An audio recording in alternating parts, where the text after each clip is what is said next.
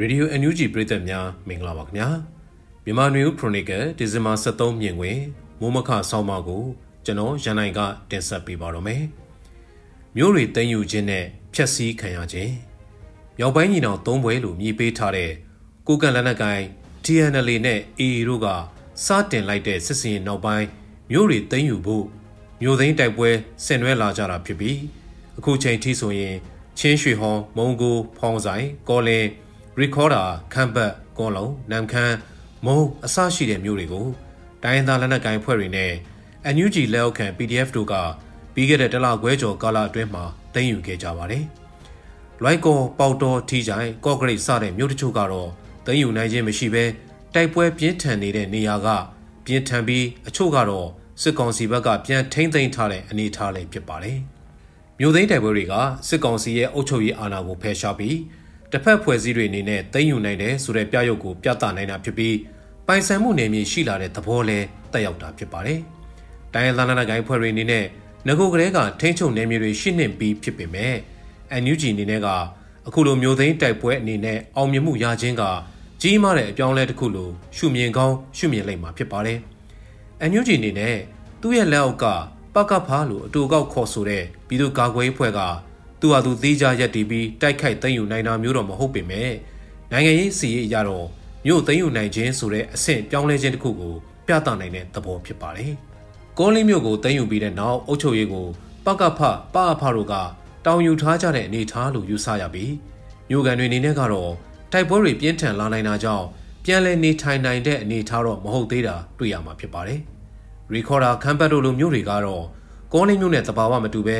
မြို့နေလူလူကဆက်လက်နေထိုင်နေကြပြီးအခုရပိုင်းမှာခမ်းဘတ်ကိုစစ်ကောင်စီတပ်တွေပြန်လည်တိုက်ခိုက်လာတဲ့အခါမှသာ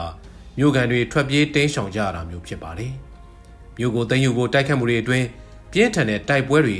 လေကြောင်းတိုက်ခတ်မှုတွေနဲ့မီးလောင်ကျွမ်းမှုတွေကြောင့်ပျက်စီးရတဲ့ဖြစ်ပျက်တွေလည်းကြုံတွေ့လာကြရပြီးရိုက်ကောထီးကြိုင်ပေါတော်မြို့တွေမှာအပျက်စီးတွေကြုံတွေ့နေရတာဖြစ်ပါတယ်။ရိုက်ကောမြို့အနေနဲ့ဆိုရင်ပြည်내မြို့တော်လည်းဖြစ်တာကြောင့် စစ်ကောင်စီဘက်ကနေမျိုးလေးတစ်မျိုးသဘောမျိုးထားပြီးလွယ်လွယ်နဲ့စုပ်ခွာမပေးတာကြောင့်လွိုင်ကော်မျိုးသိန်းတိုက်ပွဲကတလာနီးပါးကြားမြစ်လာပေမဲ့ KNI ကာကွယ်ရေးလက်နက်ကင်ဖွဲ့တွေအနေနဲ့စိမ့်ယူနိုင်ခြင်းမရှိသေးပါဘူးစစ်ကောင်စီဘက်က၎င်းတို့ရဲ့အာဏာပြရုပ်ပြည်နယ်မြို့တော်ကျသွားခဲ့ရင်ပြည်နယ်တပြည်နယ်လွတ်မြောက်သွားတယ်ဆိုတဲ့သဘောမျိုးကောက်ယူနိုင်တာကြောင့်အသေးအတန်တိုက်ခိုက်နေတဲ့သဘောမျိုးဖြစ်နိုင်ပါတယ်မြို့သိန်းတိုက်ပွဲတွေကကြားသိရသူတွေကိုစိတ်အားတက်ကြွစေနေတာမှန်တော်လည်းပဲ အဆိုပါတိုက်ပွဲဖြစ်ပွားတဲ့မြို့တွေမှာနေထိုင်နေကြတဲ့မြို့ကန်တွေဖို့တော့ဘယ်လိုရှုမြင်ကြသလဲဆိုတာစောကြောစရာတစ်ချက်တော့ရှိနေတာပါမြို့နေလူတို့အနေနဲ့ဘယ်မြို့ကိုဘယ်အချိန်မှတိုက်ခိုက်မလဲဆိုတာကြိုတင်သိရှိနိုင်ခြင်းမရှိသလိုရုတ်တရက်နိုင်ပိုင်းတွင်ရပ်ပိုင်းတွင်ထွက်ပြေးတင်းရှောင်ကြရတဲ့နေသားမျိုးဖြစ်လာတာမို့အများစုကပိုင်ဆိုင်မှုတွေကိုတင်စီဖို့ရွှေပြောင်းဖို့လှုံ့ဆော်ခြင်းမရှိဘဲအဝတ်တစ်ထည်ကိုတစ်ခုရွှေငွေလိုယူဆောင်ရလွယ်တဲ့ပိုင်ဆိုင်မှုမျိုး ကားရှိသူတွေကပိုင်ဆိုင်မှုအချို့ကိုကားပေါ်တင်ပြီးထွက်ခွာနိုင်ပေမဲ့အများစုကတော့အသက်ဘေးလွတ်ဖို့အရေးကပထမဆုံးဦးစားပေးစဉ်းစားပြီးထွက်ပြေးတင်းရှောင်ကြရတာဖြစ်ပါတယ်။တပန်အသက်ရွယ်အိုမင်းပြီးကျမ်းမာရေးမကောင်းသူတွေဖို့သူလိုငါလိုထွက်ပြေးတင်းရှောင်နိုင်တာမဟုတ်လို့စစ်ဘေးရှောင်ဖို့ခက်ခဲတဲ့အခြေအနေရှိသူတွေလည်းရှိကြတာဖြစ်ပါတယ်။မျိုးတွေမှာတိုက်ပွဲတွေဖြစ်ပွားလာခဲ့ရင်မျိုးရဲ့မြင်ပိုင်းကုန်းလိုအဆောက်အဦလိုနေရာတွေကိုစစ်ကောင်စီကတော့၎င်း တော်လိုင်းရေးတပ်ဖွဲ့တွေကတော့၎င်းနေရာယူတိုက်ခိုက်ကြတာဖြစ်ပြီးဈေးတွေအိမ်တွေမိလောင်ပျက်စီးကြတာဖြစ်နေကြဖြစ်ပျက်လို့ဖြစ်လာပြီးမိလောင်ခြင်းရဲ့အကြောင်းရင်းမှန်ကိုလည်းသိရှိဖို့ခက်ခဲလာတာဖြစ်ပါတယ်။လက်နက်ကြီးကြီးကြားရောက်တာကြောင့်တမင်တကာရှို့တယ်မီဒါမှမဟုတ်ပစ္စည်းတွေလူရယူဆောင်ပြီးလက်ရခြေရဖြောက်တဲ့အနေနဲ့မီးရှို့ဖျက်ဆီးခဲ့ကြတာမျိုးလဲဖြစ်ကောင်းဖြစ်နိုင်ပါတယ်။ဒီလိုအခြေအနေမှာမျိုးနေလူတို့အနေနဲ့မျိုးသိန်းတိုက်ပွဲတွေကိုထောက်ခံအားပေးဖို့ စိတ်သက်ခွန်အားရှိကောင်းမှရှိနိုင်လိမ့်မှာဖြစ်ပါတယ်။၎င်းတို့ရဲ့အိမ်တွေပိုင်ဆိုင်တဲ့လုပ်ငန်းအခြေပစ္စည်းတွေပျက်စီးဆုံးရှုံးသွားမဲ့အရေးကိုတွေးကြည့်ရုံနဲ့ဘယ်သူမဆိုကိုချင်းစာနာနိုင်မှာဖြစ်ပါတယ်။မြို့တွေပျက်စီးမှာကိုစိုးရိမ်ခြင်းမရှိတဲ့စစ်ကောင်စီတပ်တွေနေနဲ့ကတော့လေကြောင်းကတိုက်ခိုက်တာတွေမြေပြင်မှာရှိတဲ့တပ်တွေက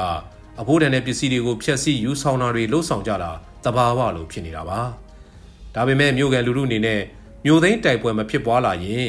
ဒီလိုအဆိုးဆုံးအခြေအနေမျိုးမကြုံရနိုင်ဘူးဆိုတာမျိုးလဲတွေးဆကောင်းတွေးဆကြပါလိမ့်မယ်။တစ်ဖက်မှာတော်လိုင်းတပ်ဖွဲ့တွေအနေနဲ့ကတော့စစ်ကောင်စီတပ်တွေကိုအနိုင်ယူရေးမှာမျိုးသိန်းတိုက်ပွဲက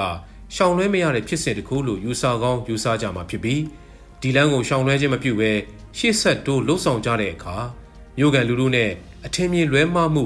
ထောက်ကန်အားပေးမှုရော့ကြတာတွေရင်ဆိုင်ရနိုင်ခြေလဲရှိနေတာဖြစ်ပါတယ်။တော်လိုင်းအင်အားစုတွေအနေနဲ့မြို့သိမ်းတိုက်ပွဲကို ဘယ်လိုခြေနေမျိုးမှာဆင်နွှဲမလဲ။အချို့မြို့တွေလိုတကြိမ်မကတိုက်ခိုက်သိမ်းယူဖို့စ조사ပေမဲ့မအောင်မြင်တဲ့ဖြစ်ပျက်မျိုးမှာဘယ်လိုဆုံးဖြတ်ကြမလဲ။မြို့သိမ်းပြီးတဲ့နောက်ဆက်လက်ကာကွယ်ထိန်းသိမ်းထားနိုင်မှုအရေးပါတဲ့အချက်လက်တွေကဘာတွေဖြစ်မလဲဆိုတာအရေးကြီးတဲ့မေးခွန်းတွေဖြစ်နေပြီး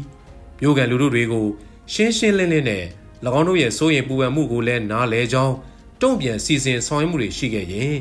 ရှင်းပြစည်းရုံးနိုင်ဖို့အရေးကြီးလာနေတာဖြစ်ပါတယ်ခင်ဗျာ။